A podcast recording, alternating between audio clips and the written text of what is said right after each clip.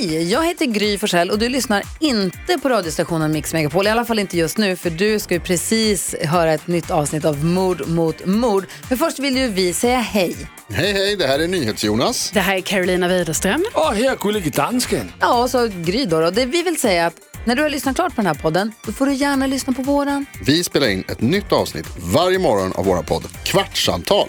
Och hela radioprogrammet blir ju också en podd om man är väldigt morgontrött eller så. Just det, om man missar morgonen ja. Men mest av allt så får du gärna lyssna på programmet i direktsändning varje morgon på Mix Megapol. Live varje morgon från klockan sex och då har vi med oss massor med vänner också. Thomas Bodström, Babben Larsson, Johan Pettersson, Christian Luuk. Massor med coola människor som bara dyker upp och gör livet bättre. Ja, som jag, Gullige Dansken. Exakt så. Och så mycket bra musik och annat skoj såklart. Så vi hörs när du vaknar på Mix Megapol. Podplay.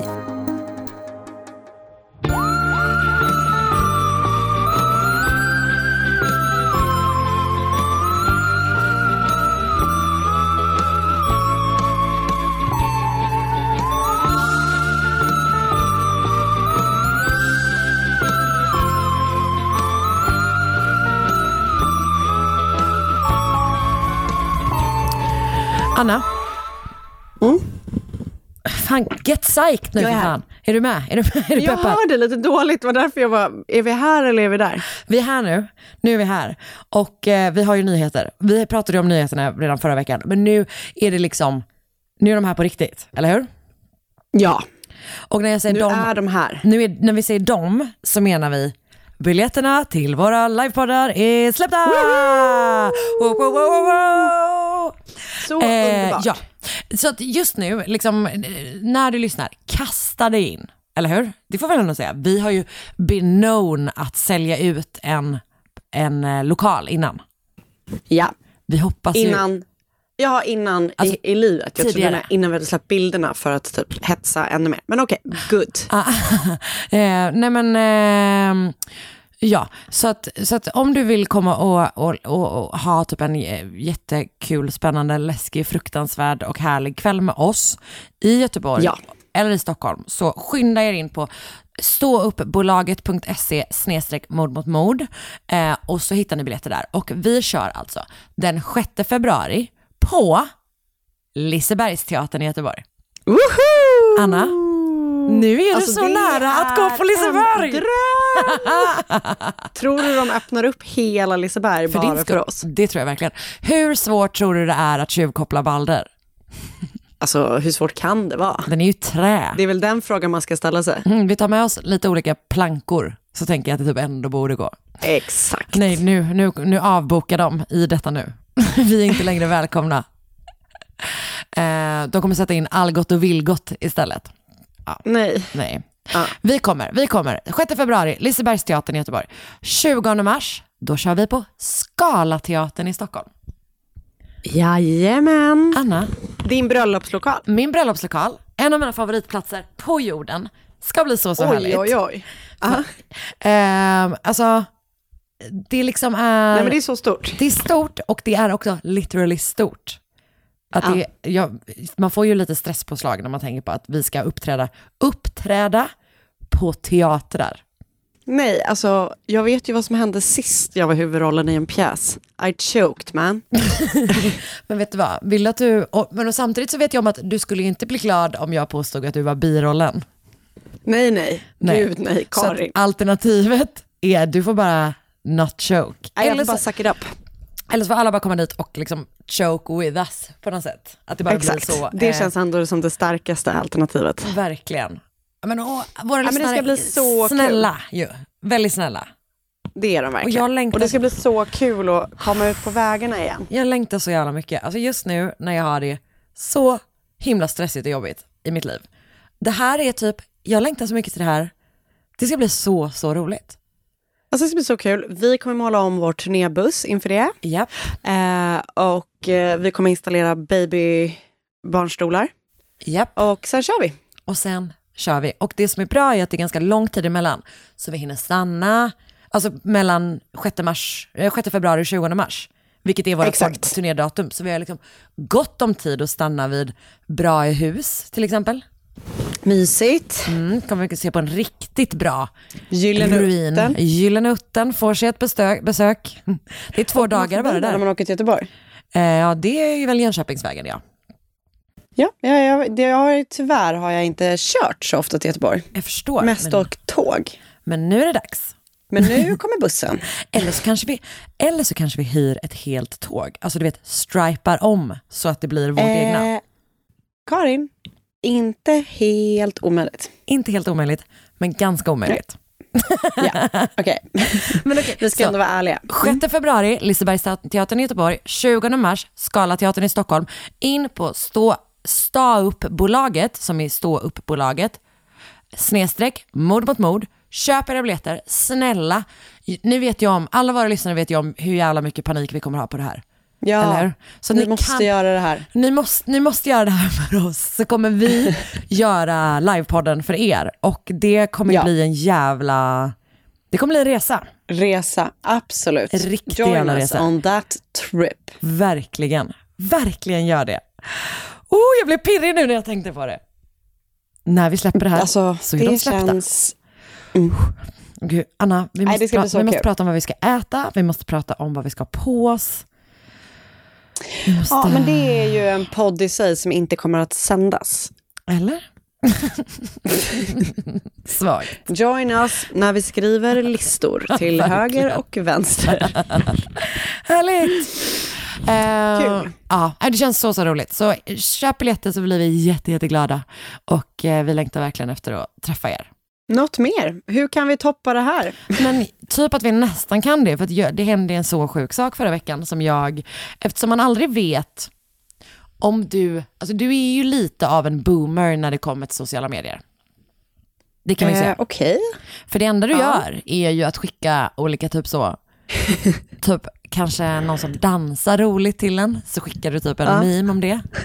Eller typ att du, är så kul. Typ att du häromdagen skickade en grej till mig där det var någon, någon slags spel typ och så var det typ så här, tag someone who you want to do this with. Så är det typ att jag bara, ja då är det allt antagligen jag. Eh, men du, Men det är du, så kul. du det är ju så kul. Men du, det jag menar är att jag vet liksom inte om du ser saker som folk typ lägger upp på Insta-stories där de taggar oss eller kanske postar i vår. Facebookgrupp. Eh, nej, det gör jag ganska sällan i och med att jag då har fullt upp och letat efter såna här roliga klipp hela tiden. Det är verkligen sant. Men har du då sett vad som kom i förra veckan? Ja, men alltså, jag tror faktiskt att jag vet vad du menar, för du la ju upp det i ditt flöde och det följer jag ju Alltså mig, noggrant. ja, okej, så du följer mig bara inte dig, dig själv kan man säga. Nej, Ja. det faktumet att vi, alltså någonting som har liksom skett eller pratats om i våran podd för första gången har blivit en fucking tatuering. En tatuering. Nej, det var väldigt coolt.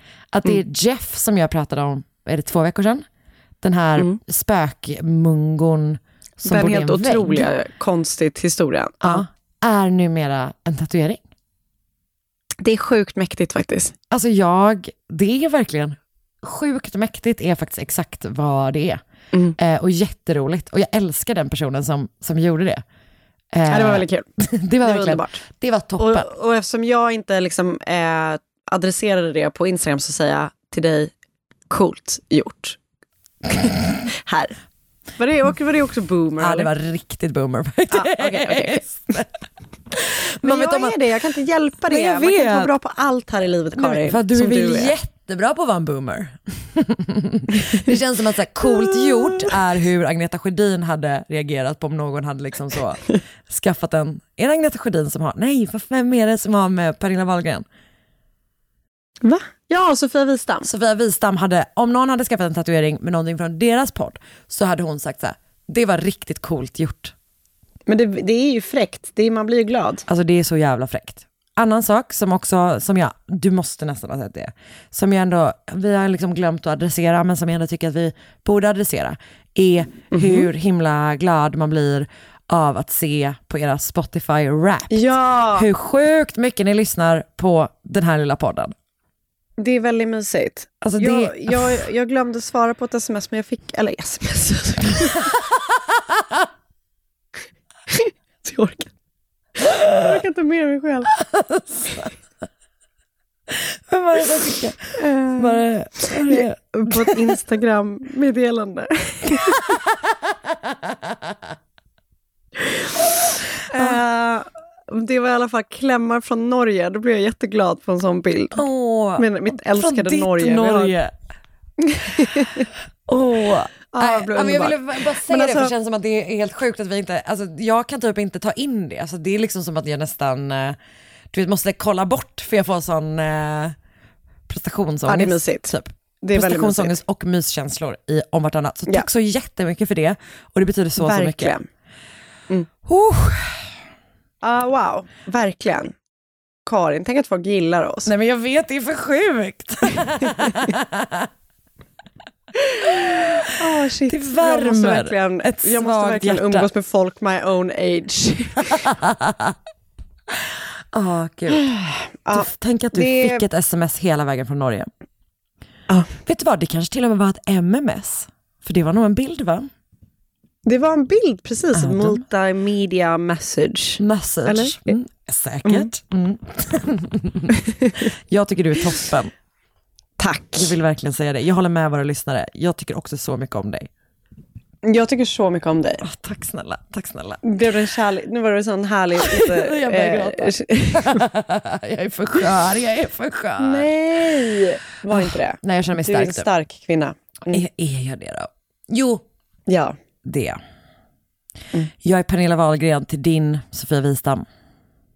Är jag det? Oh yes. Ja, absolut. Okej, bra. Har du något annat? Svårt att toppa den här, det här, den här Nej, precis. så kallade kärleksfesten. Jag tror typ inte det. Att jag har något annat som kan toppa. Jag har säkert något uh, ointressant vill du från mitt liv. Ja, vill du sänka stämningen? Så take it away. Nej, I won't. Okej, men då kör vi istället. Mm, det gör vi. Ah, ah, ah. Poddtips från Podplay. I podden Något Kaiko garanterar östgötarna Brutti och jag, Davva, dig en stor dos skratt. Där följer jag pladask för köttätandet igen. Man är lite som en jävla vampyr. Man har fått lite blodsmak och då måste man ha mer. Udda spaningar, fängslande anekdoter och en och annan arg rant. Jag måste ha mitt kaffe på morgonen för annars är jag ingen trevlig människa. Då är du ingen trevlig människa, punkt. Något Kaiko, hör du på Podplay. Därför är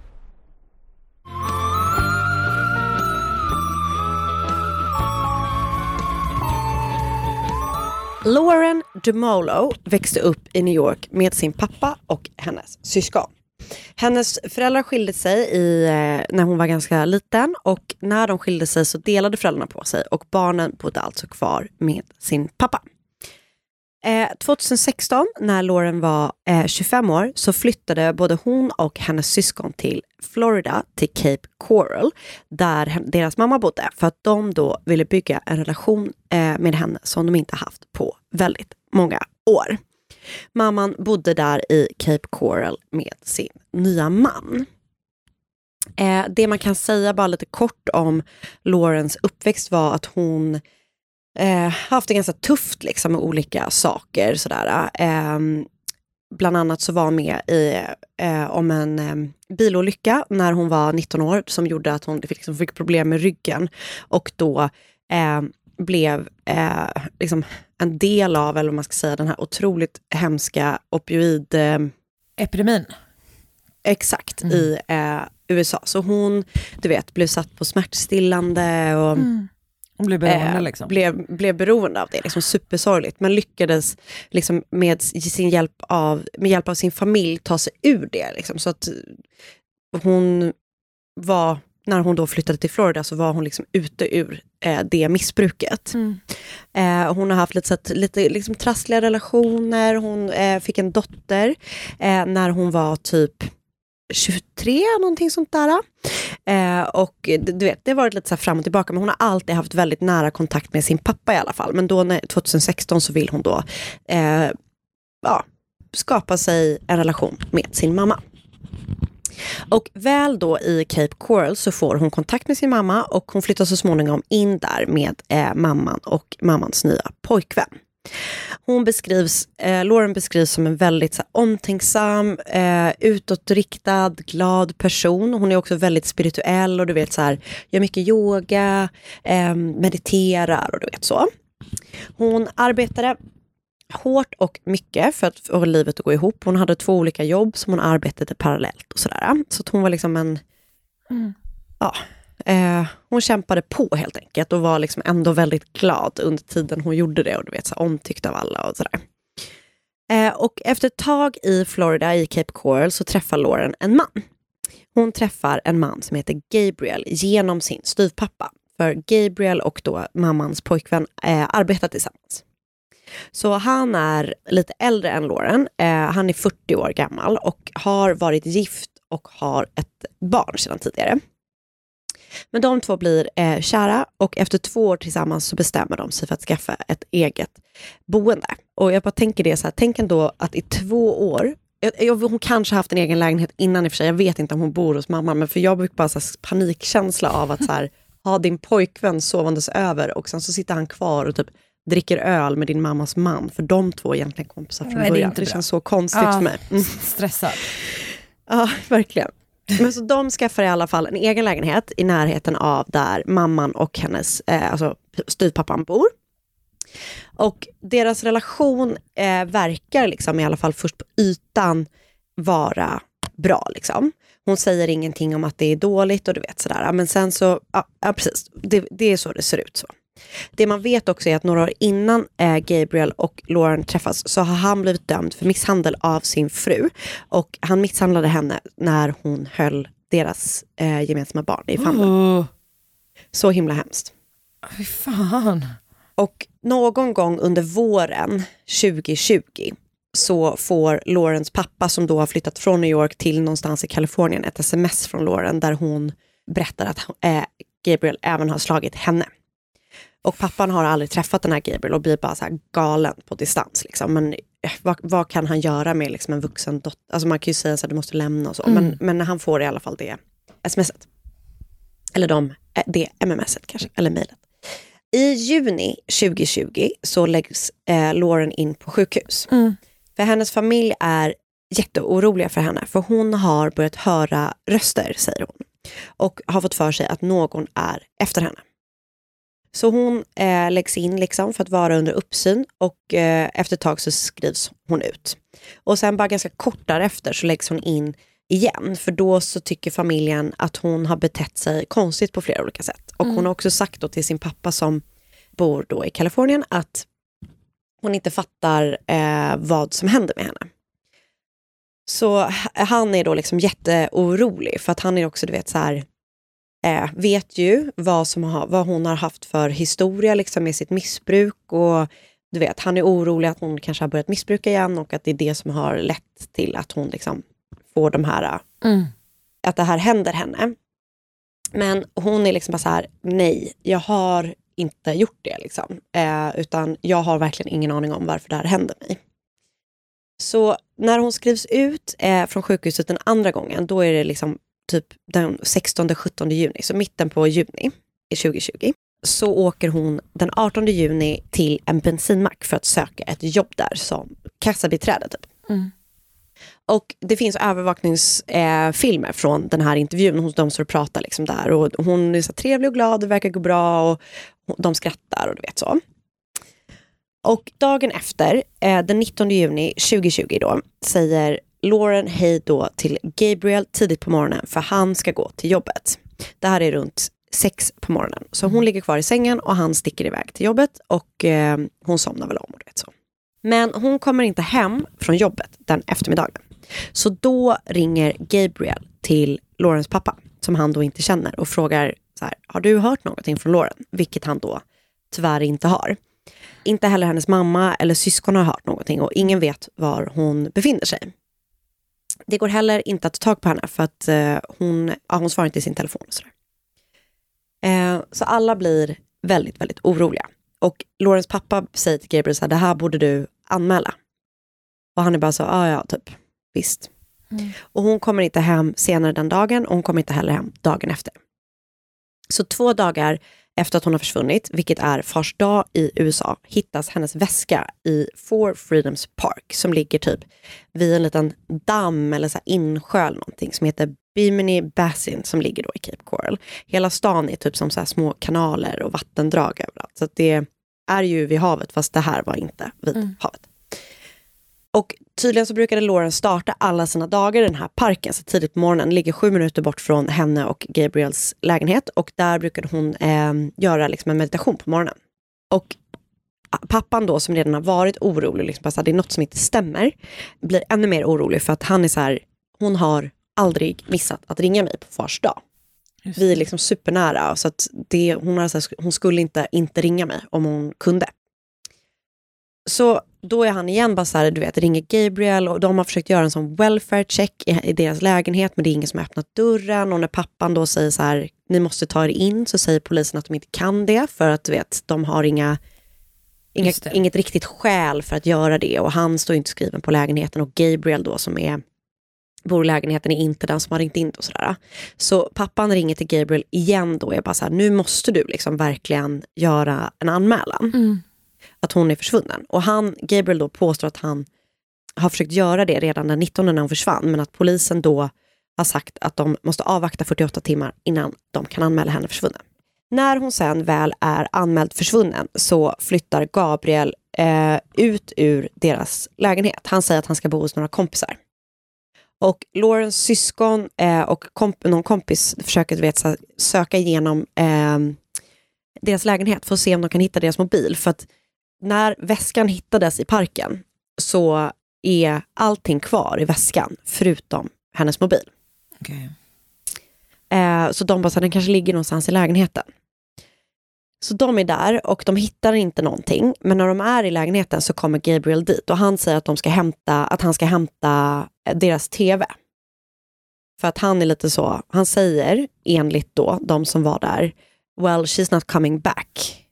Oj. Eller någonting sånt. It looks like she's not coming back. Du vet, någonting sånt. Så de är bara så här, okej men hon har varit borta i typ fyra dagar. Liksom. Ja. Vad vet du om det? Och när de frågar honom om han vet var eh, mobilen är så går han in i något annat rum i lägenheten och kommer tillbaka ut med mobilen. Eh, när de väl kollar igenom mobilen så ser de att det senaste samtalet som har gjorts från hennes telefon är ett Facebook-samtal eh, som då har varit eh, utgående från hennes telefon och det har då gått till Gabriel, men han har inte svarat på det. Eh, och sam det samtalet ringdes 10.30 den 19 juni, alltså samma dag som hon försvann. Nu är hon då anmäld försvunnen, hennes familj är helt säkra på att det har hänt henne någonting. Mm. Eh, att hon liksom inte har försvunnit med egen vilja. För först är de typ så här, hon kanske håller sig borta typ för att de har, Gabriel och hon har varit i ett bråk. Så här, men när hon inte hör av sig till någon, så, och liksom, du vet, när hennes telefon dyker upp, och så här, du vet, då är de bara så här, nej men det här är något eh, skumt med. Så fem dagar efter hon har försvunnit så går polisen ut, eller de uppdaterar hennes anmälan, när man ska säga, från missing person till missing endangered person.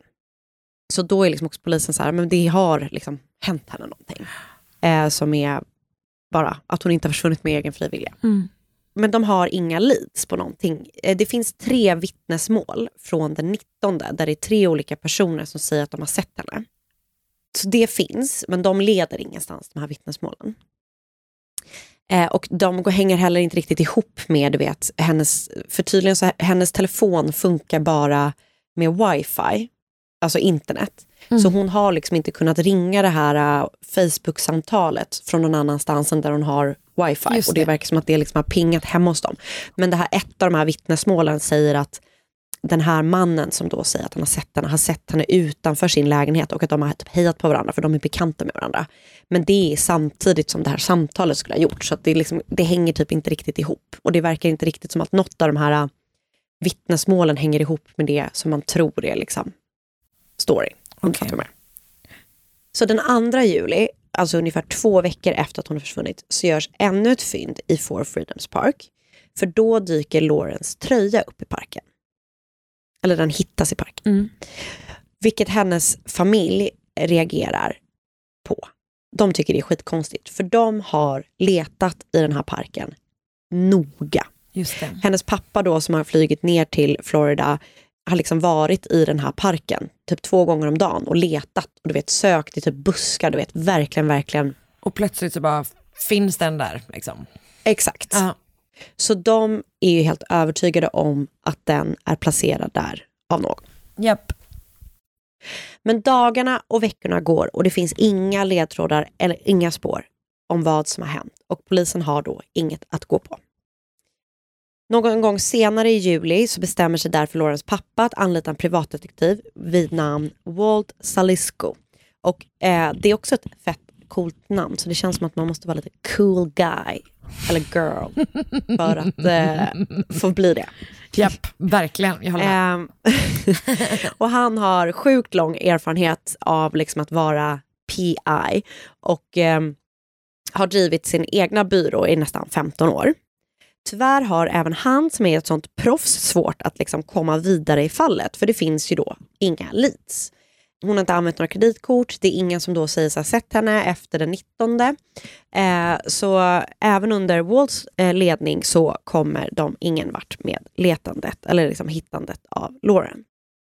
Och familjen gör jättemånga du vet, insatser för att de ska få in tips och du vet, massa sånt. De går ut med en ehm, eh, att man kan få pengar och man kan ge tips som kan leda till någonting. De sätter upp skyltar överallt med Laurens ansikte och ett nummer till en tipslinje och du vet sådär. Men ingenting händer. Och under ett helt år efter att hon har försvunnit så gör familjen eh, jättemånga sådana aktiviteter. De, eh, för att hålla sökandet vid liv. Du vet, De gör fundraisers, de gör typ någon sån motorcykelmarsch liksom, i hennes är. Du vet så. Eh, antagligen för att liksom, ha råd att också fortsätta betala ja, här eh, privatdetektiven. Så. Och så sån jävla maktlöshet typ med. Att man måste vara Nej, så här, så hemskt. Det måste också vara ett sätt att känna att man gör någonting fast man typ inte kan göra någonting. Alltså lite så liksom. Exakt så. Ja. Uff. Eh, och ehm, på årsdagen då av eh, hennes försvinnande så satte eh, hennes familj upp en bänk på en favor- hennes favoritplats i den här Four Freedoms Park. Där då hon brukade typ sitta och meditera och på bänken stod det Lauren is always with us, our angel, bring Lauren home. Ingen vet då vad som har hänt henne sen liksom, den dagen hon försvann. Men hennes familj är då helt övertygade om att någon, eh, och om man läser lite mellan raderna och inte alltid så mycket mellan raderna så får man då, eh, familjen misstänker Honom. att eh, hennes, exakt, Gabriel har något med hennes försvinnande att göra.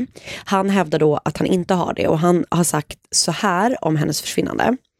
I don't think she left on her own because she would have taken it she would have taken at least some clothes or her toothbrush or her makeup. I'm worried. I'm worried and scared. Not scared because I didn't do anything, but ju- I'm just worried something really did happen. So my thing is that she went out with one of her friends and her friend got, got her all messed up on drugs and I don't know what happened after that. Okej. Men det finns då inga bevis på att han har gjort det, men jag lyssnade på en podd. ehm, det finns dels en podd som är gjord eh, av några bekanta till en av Laurens syskon som heter Complicit. Och den är gjord då eh, med eh, alltså Adnan Saids, eh, nu har jag glömt bort vad den heter. Ja, serial.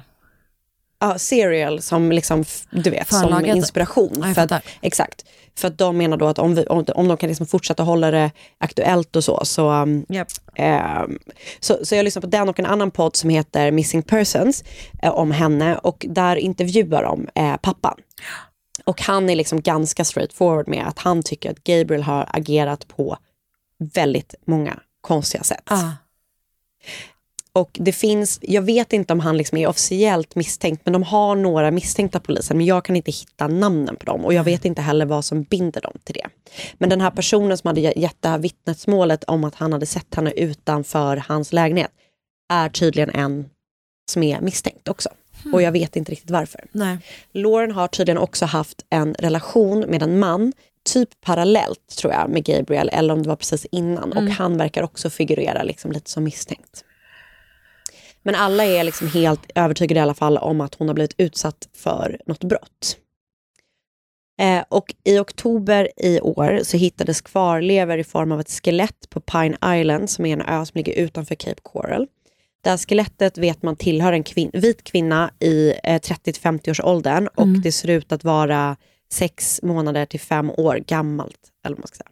Men man har inte Och kunnat... polisen, nej, man, ska inte, man har inte kunnat fastställa det. För polisen ska då, du vet, de går ut, eh, det verkar inte som att hon har du vet, en egen tandläkare. Eller, du vet, så alltså, de går ut, de försöker eh, matcha det mot tandkort. Ah, men det. det verkar vara mycket svårare gjort. De vet till exempel att hon har dragit ut en tand för några år sedan. Men jag, som jag förstår det så finns det liksom inte, ja, och det, man kan liksom inte bara ta fram hennes du vet, Nej, eh, eh, tandläkarjournal och matcha.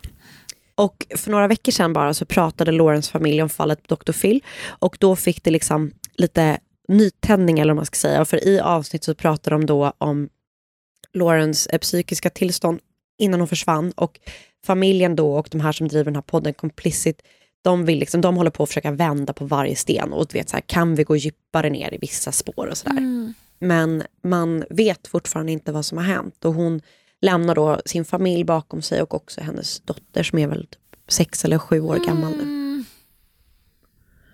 Åh, Så himla sorgligt. Mm. Och så just det här när det liksom bara är spårlöst på det sättet.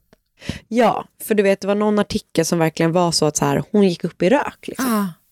Men hennes familj är ganska övertygade om att hon blev mördad av någon den 18 och att det som hade skett då, de här vittnesmål, eller du vet de här Ja.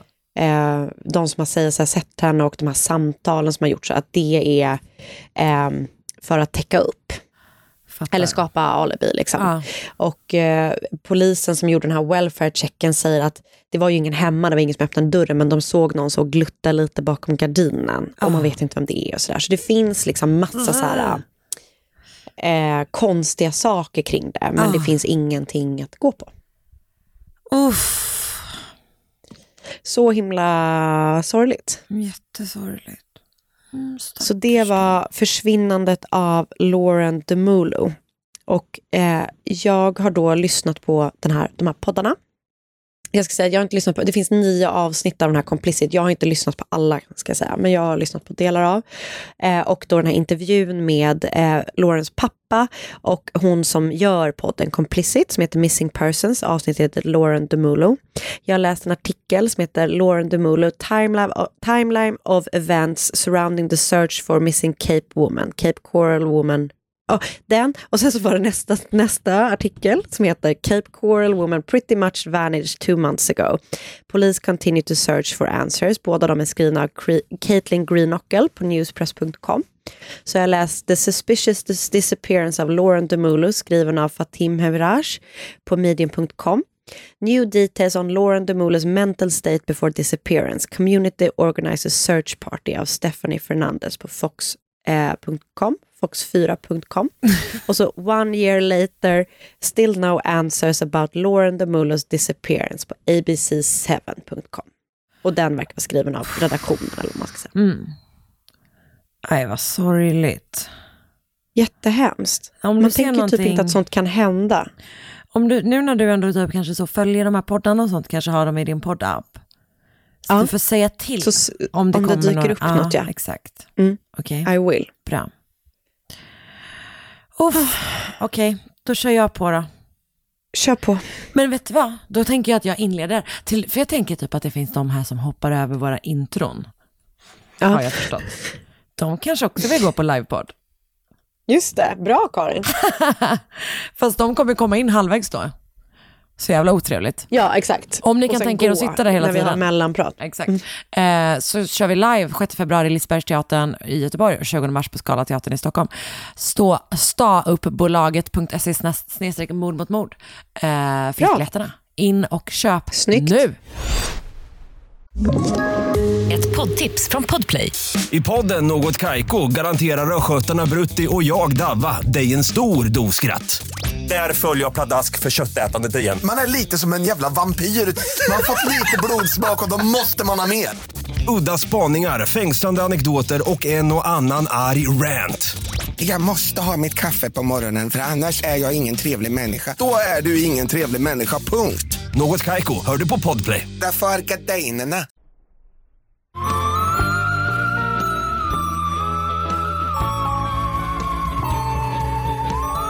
Jag ehm, ska berätta en historia för dig idag som börjar med att Candice, a.k.a. Candy Weatherby, föds den 18 februari 1920. Hon är sjätte barnet i en syskonskara om 12 eh, i Buchanan strax väster om Atlanta, Georgia. Och Candys pappa Lon, han, är, eller han var bonde och alla barnen så här, du vet, hjälper till på den här gården, typ att alla har liksom sina olika sysslor sådär. Och Candys mamma Lissy, hon är ju då, alltså hon har ju varit gravid större delen av sitt vuxna liv. Eh, fruktansvärt, verkligen. Och dessutom så dör hon i eh, barnsäng när hon ska föda familjens trettonde barn. Så då är liksom, jag, vi är inte riktigt säkra på hur gammal Candace är då, men hon är fortfarande liksom väldigt liten och efter det så börjar då Lon dricka efter att han har förlorat sin fru och hans mm. beteende liksom bara eskalerar och till slut så eh, lämnar han sina barn med typ lite olika släktingar eh, och liksom drar från stan typ. Så att det beskrivs som att Candace typ mer eller mindre liksom raised herself typ. Hon blir, får ta hand om sig själv väldigt, väldigt tidigt helt enkelt. Och Candace är liksom ett så här roligt barn som har så livlig fantasi och var ganska så dramatisk typ. Hon ansågs vara väldigt vacker, du vet hon är så här superblond och um, liksom väldigt expressiv och sådär. Och redan på high school så börjar hon, eh, eller börjar liksom hennes familjemedlemmar uppmuntra henne att hon borde skaffa sig en man. Perfekt. Yes. Yep. Det enda rimliga man kan göra. Verkligen. Om man är snygg, då är det lika bra om man gifter sig rikt och tidigt. Eh, de alltså, introducerar, då, introducerar henne till en familjevän som är tio år äldre än henne och han och heter Norman Johnson. Och de gifter sig 1939 och får två barn. Norman Jr och Rita. Så att hon är alltså 19 när de gifter sig. Och eh, Candace tröttnar, verkar liksom tröttna ganska snabbt på sitt liksom, hemmafrus liv och börjar engagera sig i någon sån du vet, volontär organisation som typ ordnar underhållning för militärer när de är hemma från ah. tjänstgöring. Typ. Det här är uppenbarligen liksom, under andra världskriget. Så hon börjar liksom ordna fester för olika typ, militärer. Är det härligt? Ja, perfekt. Eh, så att hon verkar vara mer intresserad av det än kanske sitt home life om man säger. Mm -hmm. Ehm, efter ett par år så flyttar familjen till New Orleans eh, för att Norman får jobb, får jobb där. för att han får ett jobb, jobb. där. Yeah, cool. Men eh, de kommer då ganska snart att skilja sig. Och han flyttar från New Orleans, men Candice och barnen blir kvar. Hon bestämmer sig, hon är typ, vad ska vi säga, 24-25 kanske, eh, och bestämmer sig för att bli modell. Ah. Hon gör lite så här lokala kanske så, du vet reklamjobb, små grejer liksom. Ja. Eh, men sen så bestämmer hon sig för att, okej, okay, jag är modell nu, men mitt nästa steg är att jag ska lära andra hur man blir modell. Ah, kul. Hon verkar inte ha supermycket erfarenhet innan hon bestämmer det här. Men hon lämnar av sina barn hos en kompis och sen så åker hon till New York och där går hon på en modellskola. Mm-hmm. Sen åker hon tillbaka till New Orleans och där startar hon Candice Modeling and Self-Improvement School. ja. Och alltså det går snabbt. Det går, det, hon har liksom verkligen så, the, the confidence of a mediocre white man. Att hon bara, mm. nu är det jag som blir lärare. Och på den här skolan då så kan man bland annat, eller kan kvinnor liksom både lära sig Vad lär man sig som self-improvement? Ja, men ska jag berätta för dig. Kan jag... I'm intrigued. Mm. Eh, delvis kan man få lära sig om kanske typ så smink och hår. Eh, typ mm. hur man Hade behövt. håller en fin figur. Eh, Hade behövt. Du vet lite... Nej. Jag skojar, jag skojar. Du som är så bra på, på att sminka dig. Verkligen. Klet, klet, klet. Du är fin. Ja. Du är så fin. Tack. Eh, man kan också få lära sig att gå i modevisningar. Men enligt en annons då så eh, kan hon också, kommer man också på den här skolan ge eleverna self-confidence, grace, poise and elegance of speech that will make you a person of real distinction. Jag tänker på den där låten som är med i Miss Congeniality. Ja! She has style, she has grace, she is Miss United States. Det är nog fel melodi, men Fast texten är exakt rätt. så, ja det är ju typ sånt. Men det som också är väldigt härligt är att Candice också har liksom föreläsningar. Och jag vet bara en föreläsning hon har gjort, men den handlade i alla fall om hur man bär en hatt. Alltså det skulle jag faktiskt verkligen behöva. Jag har aldrig kunnat rocka en hatt. Men alltså, hon verkar liksom vara alltså, klassisk good time. Alltså hon är så super utåtriktad, hon är rolig och hon har a way with the gentleman. Eh, och det kommer liksom hjälpa henne när hon börjar eh, samla in donationer till New Orleans Opera. Så att hennes jobb är alltså att liksom söka upp olika rika män och familjer och typ få dem att stötta den här operan. Och i det jobbet så kommer hon att träffa sin nästa make, Jack Mossler. Och Jack han kommer från början från Rumänien men invandrar med sin familj till Buffalo, New York redan när han är liten. Liksom.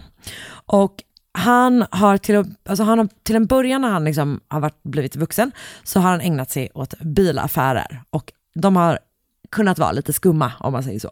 Att ibland kanske han har sålt en bil som inte ville bli såld, om du förstår vad jag menar. Ja, jag fattar.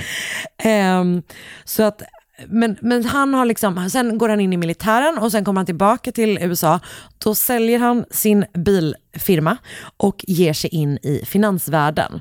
Och där öppnar han typ banker som jag förstår det, som erbjuder människor som kanske inte har jätte, som inte har så hög liksom, kreditvärdighet. Han er, erbjuder dem mindre lån med hög ränta. Så typ Perfekt. säg att du så här, ja, jag vill köpa en eh, Alltså, det, behöver, det är kanske inte är typ så här bostadslån, utan det är liksom mer så um, konsumtionslån, eller vad man ska säga. Eh, Okej. Så kan man låna av honom då, skuldsätta sig, eh, och sen så blir det jättehög ränta på det. Och eh, det tjänar han sina pengar på. Det är inte oproblematiskt. Men Nej, det det han blir, i alla fall, han blir i alla fall ganska så rik på den här businessen. Och han och Candice träffas då 1947. Då är Jack 52 år, hon är väl då 27 va? Japp det är hon. Och han har just skilt sig från sin fru som han har varit gift med i 30 år och han har lämnat henne och deras fyra döttrar. Och två år senare så gifte sig Candice och Jack och hon heter då Candice Mossler. Och de bosätter sig i Houston och som jag förstår det så är hennes barn eh, fortfarande med. Liksom, så att hon tar med sig sina barn från det tidigare äktenskapet och de flyttar till Houston. Och det är liksom en väldigt, väldigt välmående stad vid den här tiden. Alltså folk, det finns jättemycket väldigt rika människor i Houston. Typ. Och Jack och Candice blir snart ett liksom återkommande inslag i deras så social scene. Typ. Så de bygger ett trevåningshus och de anställer så här hushållerskor, kockar, butlers, trädgårdsmästare, chaufförer. Alltså verkligen, de har en staff.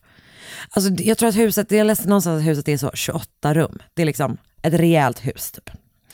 Ehm, och i det här huset så har Candice framförallt, det är hon som liksom är drivande i det här, han beskrivs som att han mer håller sig i bakgrunden. Hon har stora fester och du vet lite så eh, välgörenhetsgalor och sånt liksom. Och hon är en Jag hörde först att du sa stora fötter, men jag tänkte att hon har väldigt har stora fötter inte. när hon går runt. Det vet... Åh, som Paris Hilton. Jag tänker alltid på att Paris Hilton var tvungen att specialbeställa Manolo har Blahniks. typ 42 i skor, eller? 43 till och med tror jag. Shit. Och så måste hon köpa, var hon tvungen att specialbeställa sådana Manolo Blahniks. Ja. Tur att hon är så himla himla rik. Så det hade hon råd med. Eh, men Candice då så här, hon har stora fester och välgörenhetsgalor. Hon är en toppenvärdinna. Hon är rolig och flörtig och varm och du vet sådär. Hon är fortfarande lite dramatisk, typ att hon verkligen, verkligen gillar att make an entrance när festen redan är igång och du vet så glida ner för deras trappa typ. Du vet så. Eh, och, eh, men snart så är hon då en av Houstons mest kända kvinnor och liksom beskrivs som att hon är så här, hon är typ omöjlig att värja sig från. Alltså hon bara, ingen känner, och de dyker ju bara upp i den här stan liksom. Men hon gör sig verkligen, verkligen ett namn då. Uh. 1957 så ringer Jack Candice, från en affärsresa och berättar att han just har läst om fyra barn som blivit föräldralösa efter att deras pappa mördat deras mamma och Nej. deras yngsta syskon.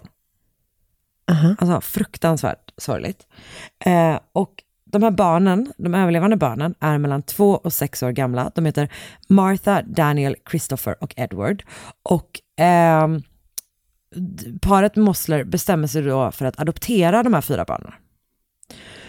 Och det går jättesnabbt liksom. Så har de typ tagit över eh, föräldrar, eller vårdnad, vårdnaden om de här fyra barnen och flyger liksom med dem eh, med privatplan hem de här barnen till Houston. Eh, och när de typ landar på flygplatsen där så är typ pressen på plats. Så det finns bilder liksom när de kommer hem med de här fyra, uppenbarligen lär ju varit liksom fruktansvärt traumatiserade barnen typ. Eh, så att nu bor de, alltså har de då Alltså han har ju fyra barn sedan tidigare. Det verkar inte som att han Mm. kanske är så, eh, att han kanske inte har dem så mycket. Eh, och de, jag tror också att de är vuxna. Och sen har ju hon två barn då, eh, som är äldre, Ja. och nu har de de här fyra barnen. Liksom. Så i det här huset i Houston bor alltså Candice, Jack, eh, Candices tidigare barn, Rita bor där åtminstone, jag vet inte om Norman Jr gör det också. Men och nu bor också då Martha, Daniel, Christopher och Edward. Och 1961 så flyttar ytterligare en person in i huset. Det är då Candices syster Elizabeths son Melvin. Men han kallas för Okej. Mel. Mel Lane Powers. Och han är från Alabama, född 1942 och har efter en tid i flottan typ haft ett så här gäng olika jobb innan han till slut hamnat i trubbel. För när Elizabeth då ringer till sin syster så har Mel dömts för bedrägeri. Det verkar som att han har typ lurat en gammal man på typ 20 000 dollar eh, genom att så här, få honom att investera, air quotes, i ett bolag som inte finns. Så han har bara tagit pengarna typ. Okej. Ja. Eh, han verkar också ha jobbat med att sälja, du vet en sån som säljer tidningar door to door. Vilket typ är en Ah. grej som allt för ofta Så som Pop- jultidningen. Ja, fast liksom eh, mer ska, det är väl också typ lite en scam eller? Nej, men, Jag fattar, lite mera, jag fattar. och typ vuxna. Eh, men det har typ dykt upp i flera olika fall, så det verkar ändå dra till sig en annan skojare. Eh, men, så att han har då åkt fast för det här och dömts till 90 dagars fängelse. Och efter att han har gjort, liksom avtjänat sitt straff, så vill hans mamma att, eh, eller hon tänker att så här, det kanske är bra om han flyttar till Candice och Jack. Så han flyttar in hos dem och han får också jobb på en av Jacks eh, eh, banker. Men inte nog med det, han får också en Thunderbird att köra runt i. Och han får fyra operationer, courtesy of the musclers. Jag tror att det kanske är Jaså? Candice som är lite drivande här.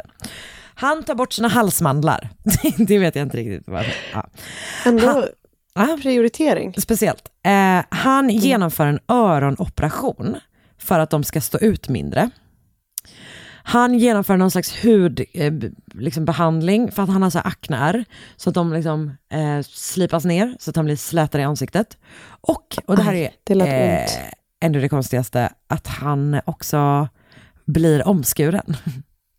Jaha, Det är i inte, vuxen ålder. ja, och eh, som en present av sin moster. Ja, obehagligt. Alltså jag det- tänkte inte ens på den Det detaljen. är liksom inte... Sist jag träffade min moster fick jag inte en omskärelse, jag på att säga. Att det är liksom inte, det är inte en standardpresent. Det kan vi inte säga att det är. Nej, det skulle man väl inte säga. Nej. Ehm, Okej. Trots då att eh, Mel uppenbarligen kommit sin os- moster väldigt nära, så blir han efter ett och ett halvt år eh, utslängd från huset. Och han blir liksom typ så här, mer eller mindre du vet, utledd av vakter som jobbar där och han slutar också jobba för Jack. Eh, och ungefär samtidigt som det händer så bosätter sig Jack i sin lägenhet i Florida. Och ehm, man börjar förstås skvallra om vad det här liksom beror på. Varför typ blir han alltså så här, utslängd därifrån? Och Candice berättar då att, att eh, Jack har eh, blivit arg för att Mel har bestämt sig för att starta sin egen business typ. Eh, och det har gjort honom jättearg. Och därför har han då kickat ut honom. Och Eh, han har då flyttat till Florida för att han ska öppna ett nytt bankkontor där. Så att han är liksom där för att så här etablera sig. Så det är, inga, det är liksom inga konstigheter, men folk runt omkring Nej. börjar typ ändå tycka att något weird är på gång. Typ. Och i slutet av juni 1964, vilket jag tror är typ ett år efter att han har liksom flyttat, så är, tar hon med sig deras fyra gemensamma barn, de här som de adopterade, för att hälsa på Jacques eh, i Florida. Och de har liksom en så här rolig vecka tillsammans, vet, bad och sol, de är vid havet, de är vid någon pool och sådär. Det enda som är dåligt är att Candace får fruktansvärd migrän och måste vid flera tillfällen åka till doktorn för att få någon slags sprutor mot huvudvärken. Mhm. Och kvällen den 13, 30 juni är det då dags igen och hon tar med sig tre av deras barn, Martha, Daniel och Edward i bilen för att åka till läkaren för att få hjälp med sin huvudvärk. Christopher är då på läger i Texas så han är liksom inte med familjen, men de här tre är med och eh, Jack stannar hemma i lägenheten.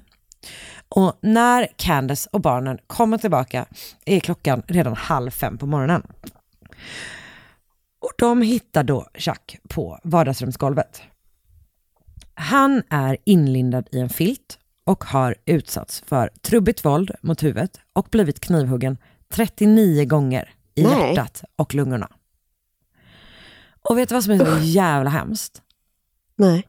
Det är att de här fyra barnen, alltså, Är med? tänk att ja, de är med och tänk att det är liksom andra gången något sånt där händer dem. Alltså det är så sorgligt. Och Candice, alltså polisen börjar ju förstås så här, de undrar vad det här kan bero på eh, såklart. Och Candice har då tre liksom, möjliga teorier som hon pratar med dem om. Det första är att det är ett rån som har gått snett för att hon har märkt att det typ så här, hans plånbok är tömd på pengar, det saknas pengar typ som brukar liksom ligga någonstans i köket och jag tror att något smycke är borta, borta också. Så det är lite saker som saknas. Hennes andra teori är att det kan vara någon som Jack typ har gjort business med, som har känt sig lurad och typ tagit ut sin hämnd. Hon säger typ att det finns ganska många möjliga sådana typ tidigare partners som hatar honom. Liksom. Okej. Och hennes tredje teori är då att Jack är, hon säger att Jack i hemlighet var homosexuell. Och att han hade relationer med unga män. Mhm. Och hon tänker att det kan vara någon av hans tidigare älskare som nu har mördat honom.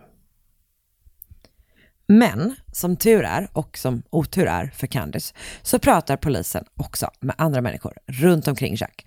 Och de får snart reda på att det är hon och inte han som verkar ha haft hemliga relationer i det här huset. Jaså? För anställda i huset i Houston och även andra runt omkring den här familjen Mossler vittnar om att anledningen att Jack slängde ut Mel var för att han och hans moster låg med varandra. Va? De var liksom ihop. Nej. Och då, vid det här laget så har Mel hunnit starta någon egen affärsverksamhet. Han säljer husvagnar. Och när de får en husrannsakan och typ letar igenom hans, jag tror att det är hans kontor, kan vara hemma också, lite osäker, eh, så hittar de bilder på honom och Candice på typ så här nattklubbar eh, och typ i någon så här skidbacke. Och det ser liksom inte ut som att de bara är, du vet, goda släktingar, utan det ser ut att vara något annat. Och dessutom hittar de kärleksbrev från henne till honom. I ett av dem skriver hon bland annat I could not think of life without you. I love you. I need you. I long Men for gud. you. Okej.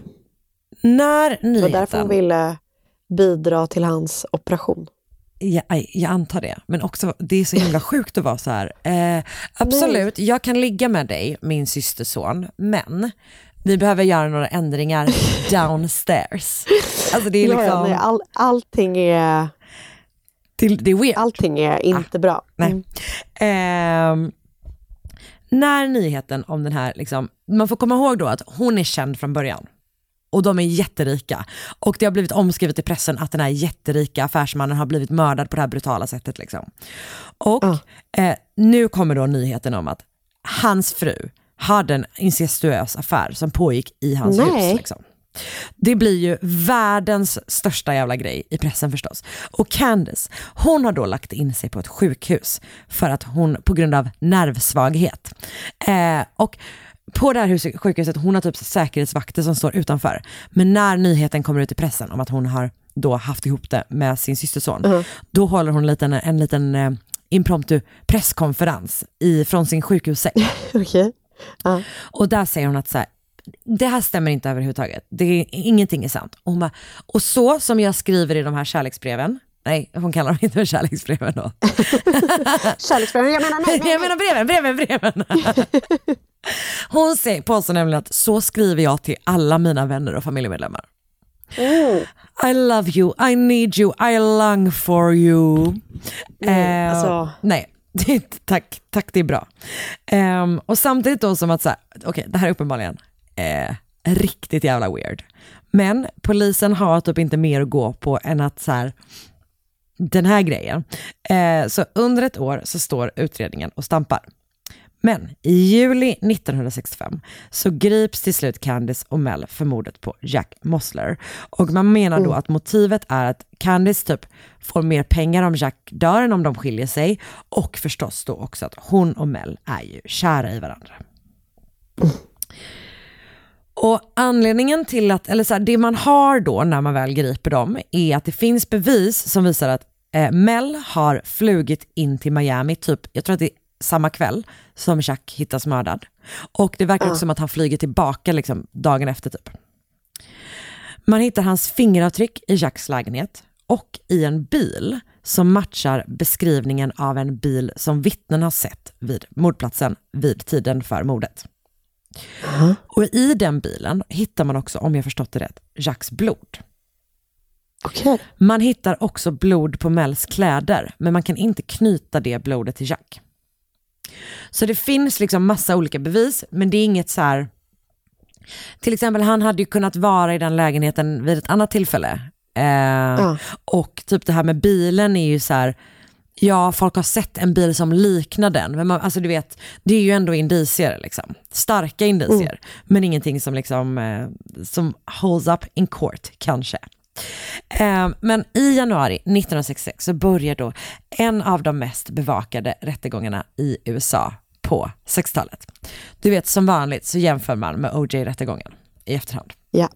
Och eh, Candice och Mel är liksom en så här filmisk duo.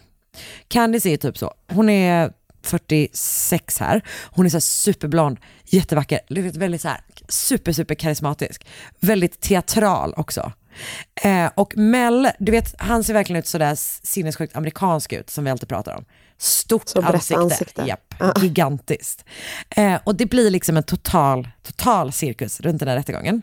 Och Candice får typ fans. Som liksom både typ så här väntar på henne utanför rättegången eller utanför domstolen men också sitter med under förhandlingarna. Och ofta är det så här kvinnor som typ totalt idealiserar henne.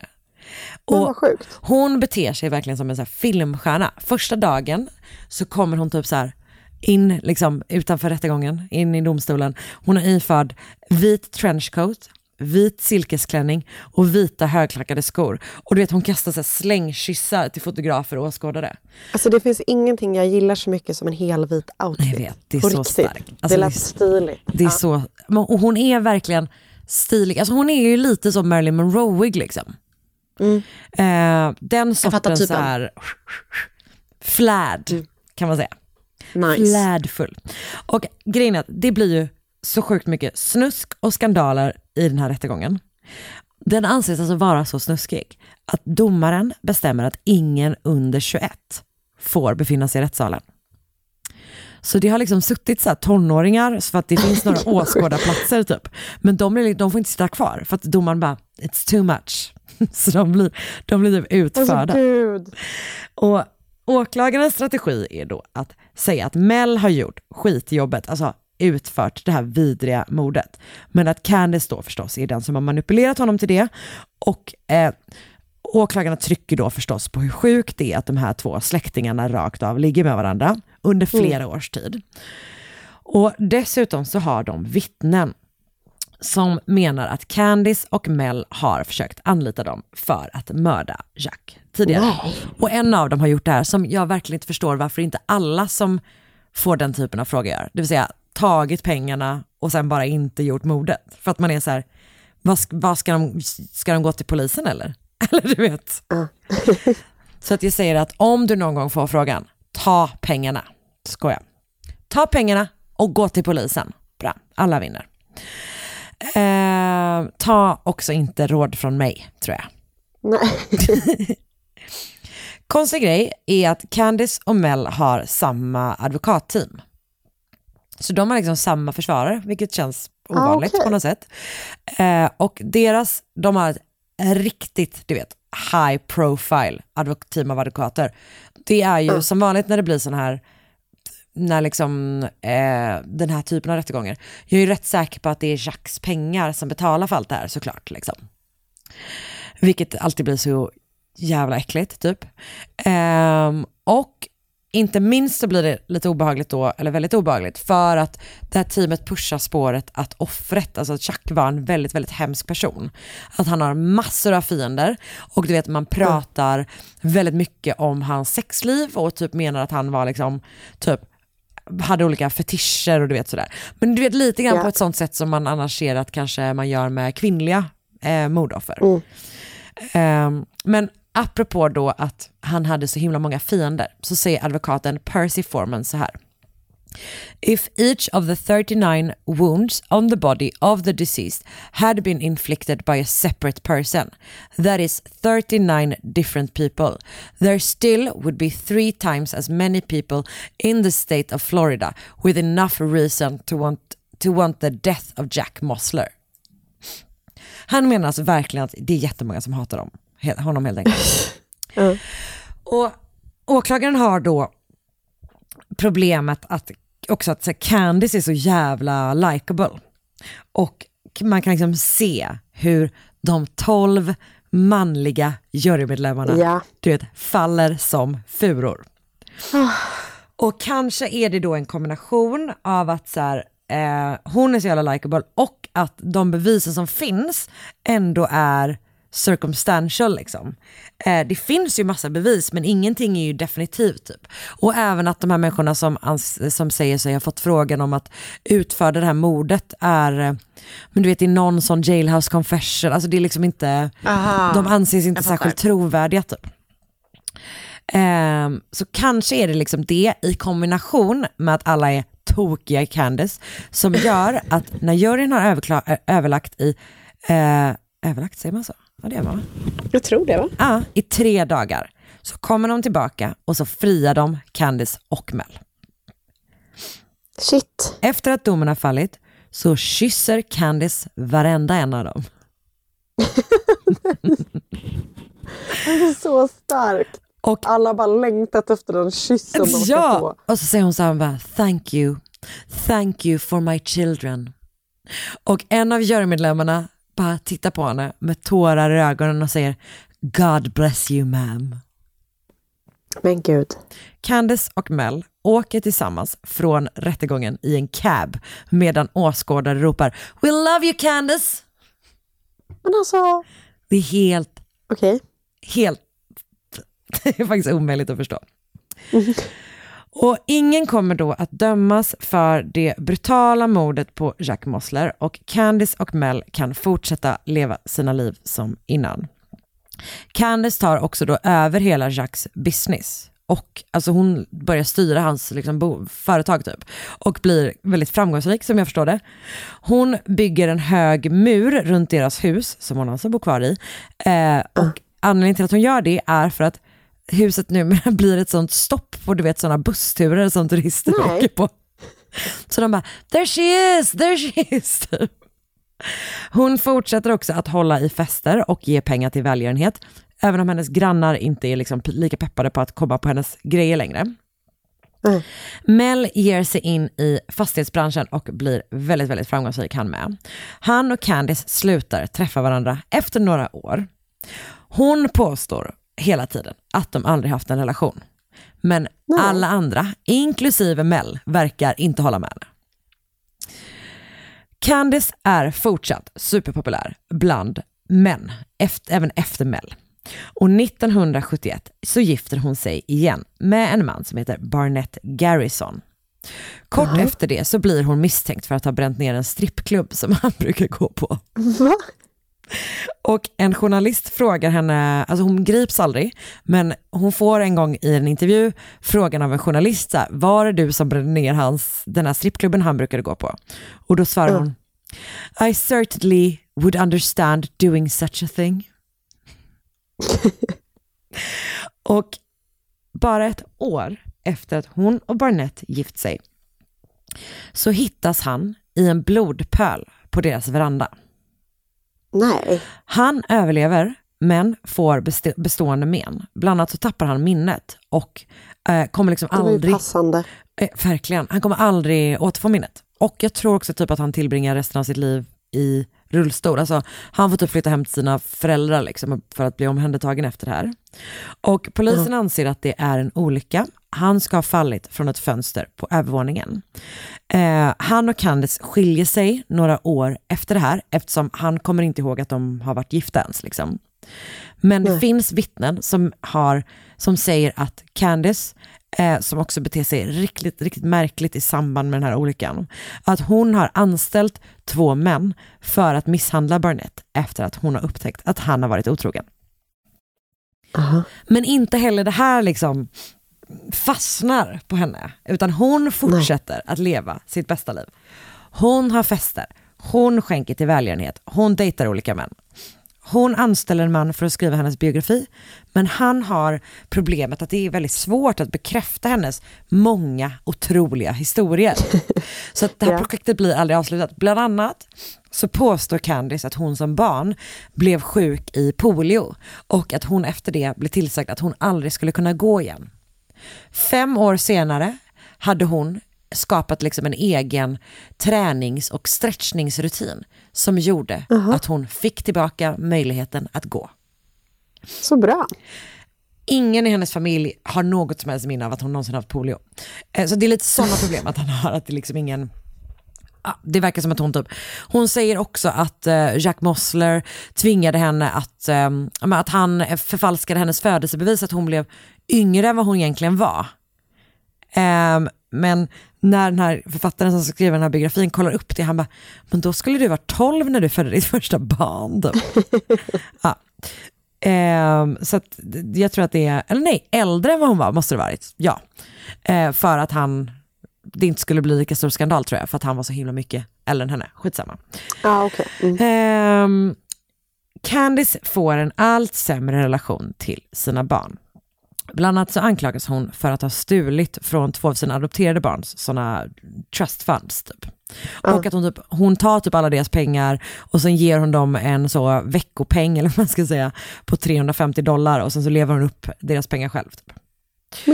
Hon skriver ur Dan, Chris och Martha ur sitt testamente. Och i oktober, och det gör hon typ för att hon säger att de inte har visat henne tillräckligt med kärlek eller något sånt.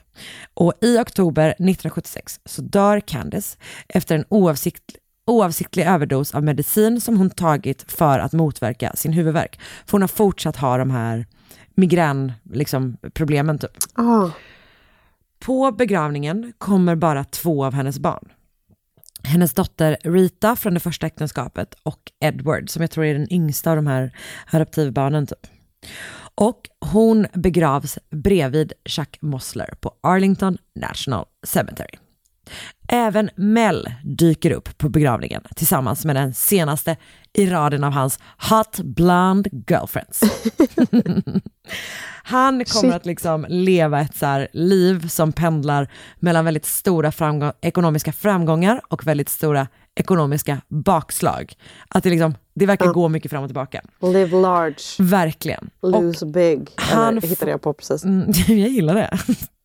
Vad sa du?